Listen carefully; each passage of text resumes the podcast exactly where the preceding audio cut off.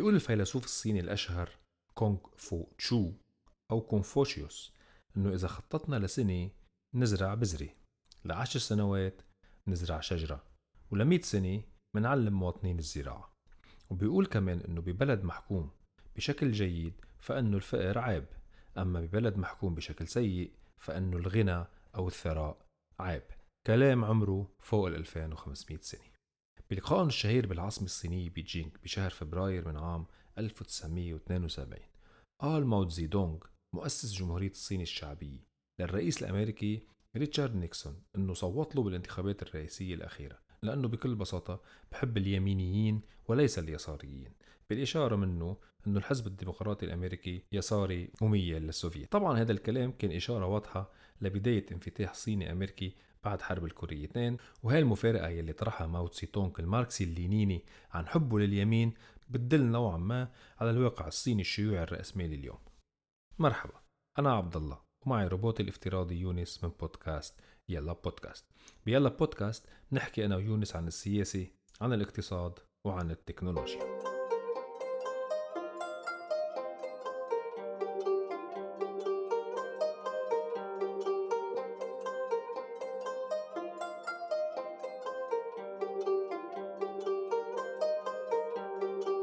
بعدنا مستمرين معكم بنقاشنا حول النظام العالمي بعد كورونا.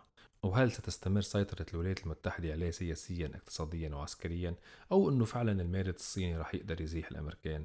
أو بالحد الأدنى يفرض نفسه قطب تاني معهم حكينا بالحلقتين يلي قبل عن النيوليبرالية. يلي هي النظام الاقتصادي الأمريكي المرتكز على الرأسمالية المطلقة وتصغير حجم الدولة مقابل القطاع الخاص. وشفنا أنه النيوليبراليين قدروا من خلال هالفلسفة الاقتصادية ومؤسساتها يسيطروا على النظام الاقتصادي الأمريكي والغربي وتقريبا العالمي بمعظمه وأنه نفخخوا الديمقراطية وأفرغوها من مضمونها الأساسي.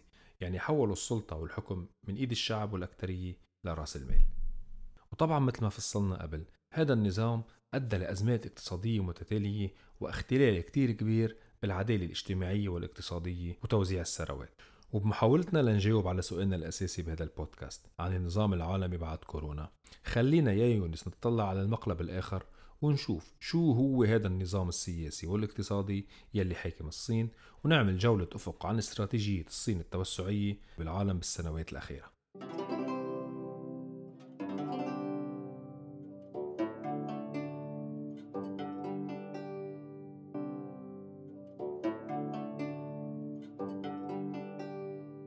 ماو زيدونغ يا يونس هو أول حاكم لجمهورية الصين الشعبية. من عام 1949 بعد انتصار الحزب الشيوعي الصيني بالحرب الأهلية لحين وفاته عام 1976 أسس ماو نظام شيوعي ذات الحزب الواحد بحيث تسيطر وتملك الحكومة المركزية كل شيء تقريبا وتخطط مركزيا كل النشاطات الاقتصادية في البلاد. مثل معظم الأنظمة التوتاليتارية المشابهة بالقرن الماضي قمع ماو تسي دونغ الحريات الفردية. وأخفى كل صوت معارض. ارتكب ماو الكثير من الأخطاء بمحاولة نقل الصين من اقتصاد ومجتمع زراعي مرتكز بالأرياف إلى اقتصاد صناعي بخمسينيات وستينيات القرن الماضي. ولتحقيق الهدف كان ماو أطلق خطة القفز العملاقة 大跃进 أو Great Leap Forward يلي كانت خطة عشرية مقسمة لقسمين أدت لنتائج كارثية وخاصة القسم الثاني منها ومات بسببها ملايين المزارعين الصينيين بسبب الجوع. أسباب الفشل كانت كتيرة وأبرزها فساد أعضاء الحزب الحاكم المكلفين بمتابعة تنفيذ الخطة وتضخيمهم لأرقام الإنتاج الزراعي الحقيقية خوفا من العقاب. بعد فشل خطة القفز العملاقة حاول القياديين بالحزب الشيوعي الصيني التخفيف من حجم الكارثة عبر إصلاحات اقتصادية مثل إعادة حقوق ملكية الأراضي لأصحابها. ومن أبرز القياديين يلي بدأوا هالإصلاحات كان دانغ جو بينغ احفظ هالاسم منيح يا يونس لأن رح نرجع له بعدين.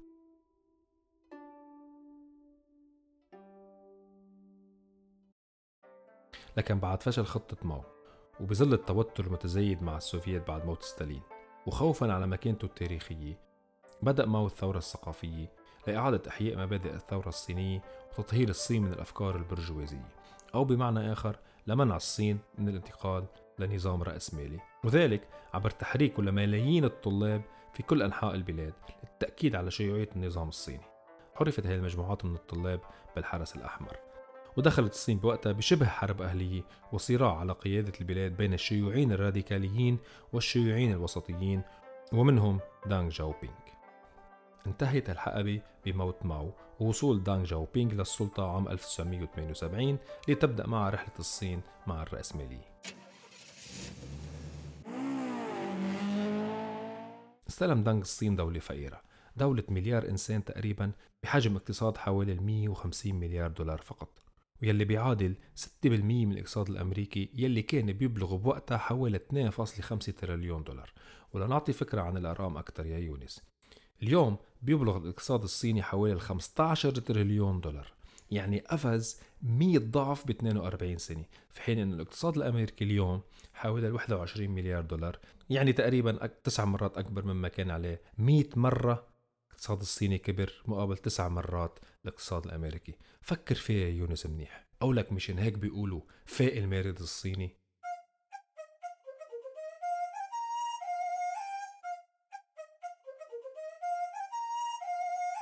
قام دانغ جاوبينغ بإصلاحات اقتصادية. أخذ من خلالها الصين أكثر نحو الرأسمالية بحيث سمح للمزارعين بتملك الأراضي وحرر إنتاج المصانع وفتح الصين على الاستثمارات الخارجية. دعم دانغ التعليم وحرص على تكوين مهارات شبابية علمية وتقنية لدعم مسيرة نمو الصين الاقتصادية.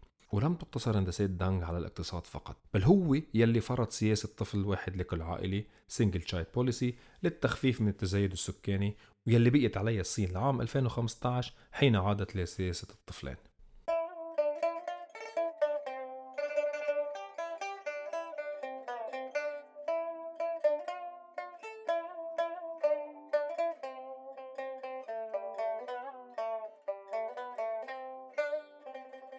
سياسيا ما قدر دانك يغير الكثير من سياسة الحزب الواحد هذا الحزب يلي الكثير من قياداته الفاسدين استفادوا من الانفتاح والبحبوحة الاقتصادية ليزيدوا ثرواتهم على حساب الشعب العادي لحظة شوية يونس بمين مذكرك هذا الكلام؟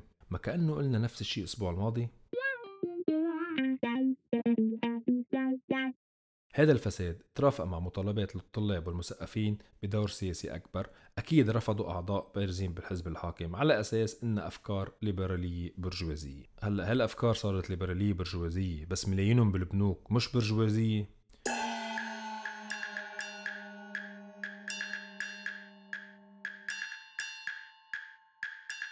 بقى الضغط يزيد وبدأت مع التحركات الطلابية بمدن صينية عديدة وأبرزها كانت مظاهرات عام 1989 بساحة تيان مان بالعاصمة بيجينغ طالبت برفع سقف الحريات وإصلاحات سياسية اقتصادية واجتماعية للأسف انتهت هالمظاهرات بعد ما فرض الحزب الحاكم على الجيش أنه يفضى بالقوة.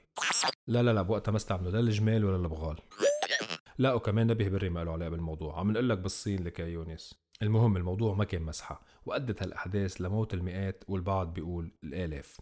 يعني على الرغم من كل سياسة الانفتاح الاقتصادي بقيت الديمقراطية بالصين تعاني. كمان بالموديل الصيني رأسمالية قبل الحرية والديمقراطية يونس. شو؟ هلأ مشان ما نحول الحلقة لدرس تاريخ وصلنا للمهم. خبرنا يا يونس شو وضع الصين اليوم سياسيا اقتصاديا اجتماعيا ودوليا؟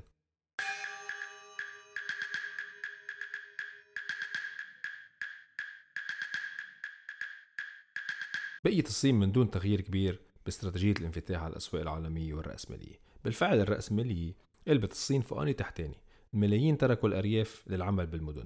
المليارات تم صرفها على تطوير هالمدن على البنى التحتية مثل الطرق والقطارات الحديثة وشبكات الاتصالات السريعة والكهرباء وغيرها. استطاع الاقتصاد الصيني بهالفترة أنه ينمو بمعدل 10% سنويا ونقل معه أكثر من 700 مليون صيني من تحت خط الفقر. لم يشهد التاريخ مثل هذا التحول من دولة ومجتمع فقيرين إلى دولة غنية وشعب يملك ثروات بالبنوك ونوعا ما طبقة وسطى صارت الصين بهالفترة مصنع العالم واعتمد اقتصادها على مبدئين التصدير للخارج وبالتالي تحقيق فائض كبير بالميزان التجاري وادخار الأموال بالداخل. كان الفرد الصيني يشتغل من قبل الضوء لفترات متأخرة من الليل يعني بالكاد كان يلحق يأكل. هيدي العوامل سمحت للصين بالحصول على رؤوس أموال ضخمة بعملات أجنبية واستطاعت شركات مملوكة من الحكومة State Owned Enterprises إنها تنافس القطاع الخاص وتدر أرباح مباشرة للحكومة. هاي الشركات كان يديرها أعضاء نافذين من الحزب الشيوعي الحاكم وكان الكتير كتير كتير منهم فاسدين. يعني بهالمقطع اللي كاتبه يا يونس مش مزودها شوي بمدح الرأسمالية بالصين؟ كون شوي موضوعي مع المستمعين ولا قال لك أنا بخبرهم. صحيح يا يونس أن الرأسمالية ساعدت بنهضة الدولة والمجتمع الصيني ولكن أيضا أتت بكتير مشاكل اجتماعية للصين. أولا النازحين من المدن والأرياف كانوا يتركوا أولادهم لأهلهم يربوهم وهذا خلق مشاكل اجتماعية كتير كبيرة. ثانيا يا يونس سياسة الطفل الواحد أوصلت الصين لأنها تكون مجتمع متقدم بالسن والمشكلة الأهم أنه الصين بوقتها ربطت شبكات الأمان الاجتماعي بالوظيفة نفسها يعني الوظيفة هي اللي بتضمن التأمين الصحي للأفراد من خلال القطاع الخاص وبتضمن له معاشه التقاعدي كمان فيما بعد. يعني ما كان عندهم ضمان صحي حكومي ولا نظام تقاعدي حكومي ولا أي شكل من أشكال إعانة البطالة. كما أن التضخم بأسعار المنازل بعد ما تركوها لنظام العرض والطلب الرأسمالي خلى كثير من الصينيين غير قادرين على اقتناء منزل. كما أن فعليا خلقت انقساب اجتماعي عمودي مجتمع مدني غني ومجتمع قروي فقير وشبه معدوم يعني غياب شبه كامل لأي عدالة اجتماعية واقتصادية بتوزيع الثروات. منيح يلي ماركس مات قبل ما يشوف هالنموذج الشيوعي الصيني.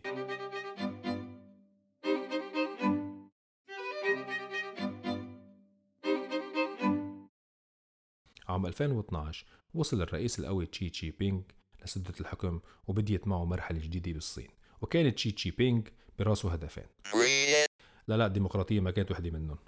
أول هدف كان داخلي وهو حل المشاكل الاقتصادية والاجتماعية اللي حكينا عنها قبل. وذلك لتحويل الاقتصاد الصيني من اقتصاد يعتمد على التصدير والادخار لاقتصاد يعتمد على الاستهلاك الداخلي والابتكار. لهيك قام تشي تشي بينغ بمكافحة الفساد بالشركات الحكومية أو هيك بيقولوا على القليلة وعزز شبكات الأمان الاجتماعي وخاصة بالأرياف. بيعرف الرئيس تشي إنه ترك الأمور للسوق وحده مش رح تحل مشاكل الاقتصاد الصيني وإنه المواطن الصيني إذا ما حس بالحد الأدنى من الأمان المالي والاجتماعي مش رح يستهلك وبالتالي مش رح تزبط خطة التحول الاقتصادي تبعه. وطبعا من دون مكافحة الفساد ما ممكن ينقل الاقتصاد نحو الابتكار لأنه بالنسبة له دخول الصين لعبة الكبار بالابتكار التكنولوجي لابد أنه تقود الشركات الحكومية بالشراكة مع القطاع الخاص الصيني وأكيد بتمويل من قطاع البنوك يلي بيملك أموال هائلة. خارجيا قرر تشي يفلش عضلاته. بالنسبة له الصين هي الاقتصاد الثاني من دون منازع اليوم ومتجهة أنه تكون الأولى بالسنوات القليلة اللي جاية إذا كفى اقتصادها بنفس نسب النمو. وطبعا الإمبراطوريات الصينية لطالما لعبت دور تاريخي على الساحات العالمية. لهيك أطلق تشي بال 2013 مبادرة حزام واحد طريق واحد One Belt One Road أوبور يلي هو إعادة إحياء طريق الحرير التجاري القديم بين الشرق والغرب. وهدف هاي المبادرة حتى دون الإعلان عنه هو بس نفوذ الصين على دول المشاركة بالمبادرة من آسيا أفريقيا وأوروبا من خلال ضخ الاستثمارات الصينية بمليارات الدولارات يلي بتهدف لشراء أصول سيادية بالكثير من هالدول ومنها مرافق ومطارات وسكك حديد وغيرها. هيك بتعطي للصين اليد الطولة للسيطرة على جزء كبير من طرق التجارة العالمية عبر القوة الناعمة الصينية. وهذا أكيد تهديد مباشر لاستراتيجية واشنطن بآخر 70 سنة ويلي من أحد أعمدتها هي السيطرة على الطرق التجارية. التحدي الصيني لزعامة الولايات المتحدة مش بس عبر القوة الناعمة طبعا وهذا شيء بيعرفه كتير منيح الرئيس تشي. ولهيك خصص مليارات لميزانيات عسكرية غير مسبوقة لبناء قوات جوية وبحرية. وانطلقت الصين بالسنوات الأخيرة بحملة سيطرة على بحر الصين الجنوبي عبر عسكرته وبناء قواعد جوية وبحرية فيه. نذكر هون يا يونس إنه بحر الصين الجنوبي هو ممر لأكثر من 30% من التجارة العالمية ويقال إنه يحوي على احتياط غاز ونفط يعادل الخليج العربي. لك إيه عربي وماني قايل فارسي وحط براسك ريش أنت وجوجل. ولأنه الرئيس الصيني عارف كتير منيح أنه المعركة هي أيضا معركة السيطرة على العالم السبراني يعني عالم الاتصالات والإنترنت. قام مثل ما قلنا قبل بدعم الابتكار وخاصة ال technology أو ما يعرف بال semiconductors ويلي هي دوائر كهربائية متقدمة بتتشكل منها كل تكنولوجيا اليوم. وبيطمح الرئيس الصيني إنه يحقق اكتفاء ذاتي تكنولوجي. ولأنه إحنا بعصر المعلومات ولأنه المعلومات هي النفط الجديد ويلي بيملكها وبيسيطر عليها بيسيطر على كل شيء بالعالم حرص الرئيس تشي إنه تكون شبكة الألياف البصرية وشبكات الجيل الخامس جزء لا يتجزأ من مشروع طريق الحرير. لهيك سمعنا مؤخرا إنه كتير من الدول الغربية يلي بتدور بفلك واشنطن منعت شركات الاتصالات الصينية وعلى رأسهم شركة هواوي إنهم يركبوا شبكات الجيل الخامس بهيدي البلاد. سياسيا عزز الرئيس تشي الديمقراطية والحرية الفردية بالصين. آه بالعكس لحظة. قام تشي بتعديل الدستور بشكل يضمن له الحكم مدى الحياة.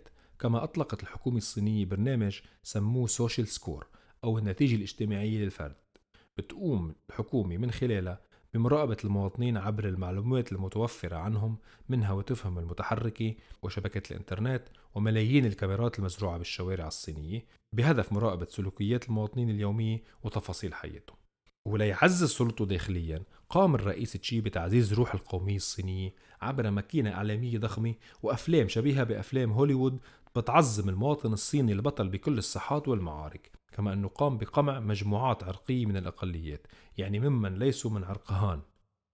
عرقهان هي المجموعة العرقية الأكبر بالصين وخاصة أقليات الإيغور المسلمة والبوذيين بالتيبت. كما أن الحكومة الصينية الحالية حاولت تغير موازين القوى بهونغ كونغ مما أدى المظاهرات شلت المقاطعة لأسابيع طويلة بمشهد ذكر العالم بأحداث ساحة تينمان وأكيد بتتذكر يا يونس من كم أسبوع سمعنا عن الدكتور يلي حاول يلفت نظر الحكومة لمشكلة تفشي الكورونا ولكن رد الحكومة كان تهديد الطبيب بحال ما سكت عن الموضوع. يعني من الآخر تبقى الديمقراطية والحرية الفردية بالصين بعيدة كل البعد عن كل التطور الاقتصادي اللي حصل عندهم.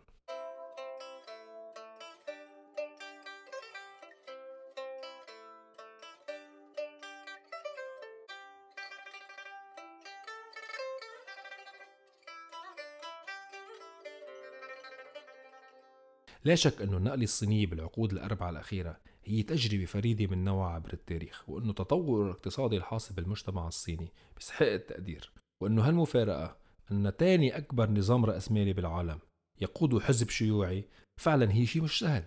ولنجاوب على أول جزء من سؤالنا أكيد نحن جايين على عالم جديد بعد الكورونا يا يونس. عالم فيلان بيتصارعوا بكتير من زوايا فيلان كتير بيشبهوا بعض بكتير أشياء.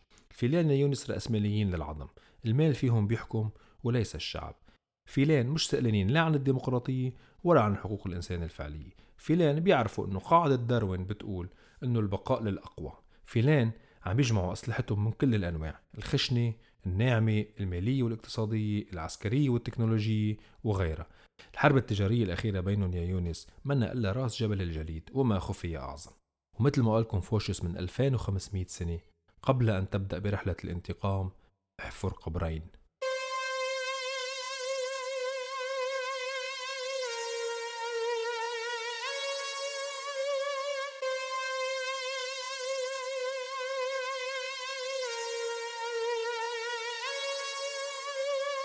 خليكم معنا بالحلقة الجاية من البودكاست لأنه رح نفصل فيها هاي الصراعات المحتملة بين أمريكا والصين بين أبو إيفانكا وجماعته النيوليبراليين وتشي تشي بينغ والحزب الشيوعي الصيني أكيد لنحاول نجاوب على سؤالنا الأساسي بهالحلقة من البودكاست مين سيحكم العالم بعد كورونا تابعونا على موقعنا blog يلا dot com وعلى منصات البودكاست Spotify و SoundCloud يسعد صباحكم إذا عم تسمعونا الصبح ومساكم إذا عم تسمعونا المساء You go over to China, China, China, China, China, China, China, China, China, China, China. You take China. China. China. I love them. China, China, China, China, China. I have to have my China. China, China, because China, China, China, China, China, China, China, China, China, China, China, China, China, China, China, China, China, China now, China, China. You know, China. I know China very well.